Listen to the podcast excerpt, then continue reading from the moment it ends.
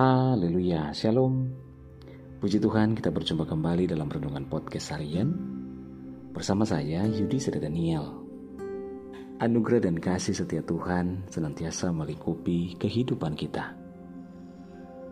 Puji Tuhan, renungan kita pada saat ini berjudul Mujizat di Tengah Badai. Bacaan firman Tuhan dalam kisah Rasul 27 ayat 34 bagian B Firman Tuhan berkata tidak seorang pun di antara kamu akan kehilangan sekalipun dari rambut kepalanya. Saudara, ketika kita menghadapi masalah yang berat, terlebih-lebih yang mengancam keselamatan jiwa, pada umumnya semua orang pasti mengalami ketakutan. Ketakutan menurut Kamus Besar Bahasa Indonesia memiliki arti merasa cemas terhadap sesuatu yang dianggap membahayakan, merasa gentar terhadap sesuatu yang diyakini dapat menimbulkan bencana. Alkitab mencatat, dan karena takut, kami akan terkandas di salah satu batu karang. Mereka membuang empat sau di buritan, dan kami sangat berharap mudah-mudahan hari lekas siang. Kisah 27 ayat 29. Karena rasa takut yang menyerang, sampai-sampai orang-orang memutuskan untuk membuang empat saus sekaligus.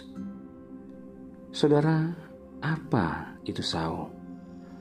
Sau adalah alat berkait yang dibuat atau yang terbuat dari besi yang dilabuhkan dari kapal ke dasar laut dengan tujuan supaya kapal dapat berhenti. Sau disebut juga sebagai jangkar. Jadi sau digunakan untuk membuat kapal berdiam dan bersandar dengan benar agar supaya tidak terbalik dan tenggelam. Dengan sau, sebuah kapal akan kokoh menghadapi hantaman ombak dan angin badai sekalipun. Perahu kapal akan tetap bertahan.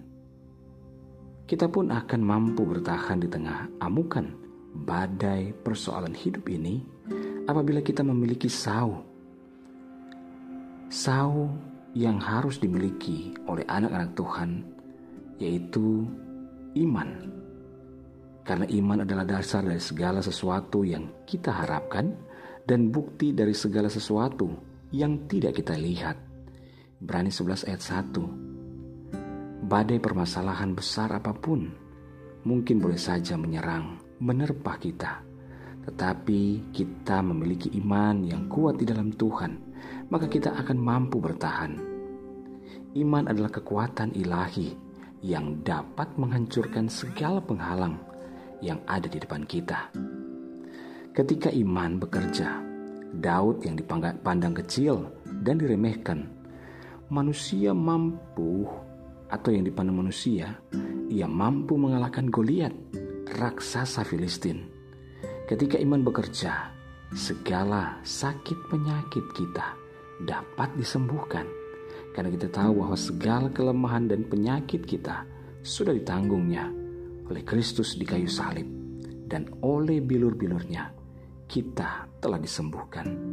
Apa pun persoalan dan tentangan, serta problema yang kita hadapi saat ini dengan iman, maka kita akan ber tetap teguh. Kita menyadari bahwa segala sesuatu tidak bisa menolong kita selain Tuhan Yesus, sehingga membuat kita bersandar sepenuhnya kepada Tuhan. Saudaraku, saat kita tidak mengandalkan kekuatan sendiri dan tidak berharap kepada manusia, tetapi kepada Tuhan maka saat itulah kita akan melihat kemenangan besar. Mari serahkan hidup kita. Percayalah kepada Tuhan, karena Tuhanlah sumber kemenangan, sumber kekuatan bagi setiap kita anak-anaknya. Haleluya. Mari imani firman Tuhan pagi hari ini, atau siang, atau petang hari ini, dengan sungguh-sungguh pasti akan terjadi. Mari kita berdoa. Bapak di surga kami bersyukur buat firman-Mu saat ini ya Tuhan. Kami percaya ya Tuhan bahwa ada mujizat di tengah badai. Jika kami datang berseru dan mengandalkan Tuhan. Ini hidup kami Bapa, kami serahkan kepada Tuhan. Saat ini hamba berdoa bagi seluruh pendengar dengan podcast harian ini di mana pun berada. Baik yang ada di Indonesia maupun di mancanegara, Tuhan tolong dalam segala pergumulan yang berbeda-beda. Yang saat ini sakit Tuhan jamah sembuhkan oleh biru-birumu. Yang lemah Tuhan kuatkan, yang bimbang Tuhan berikan ketetapan hati, yang bersedih, berduka, bahkan kecewa Tuhan hiburkan. Bebaskan yang terikat, lepaskan yang terbelenggu Bapa.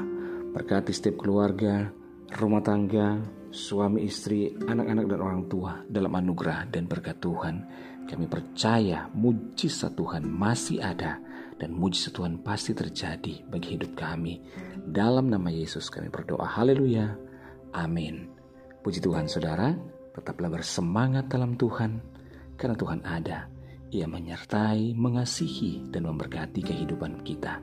Selamat pagi, selamat petang, selamat malam, dan Tuhan Yesus memberkati. Shalom.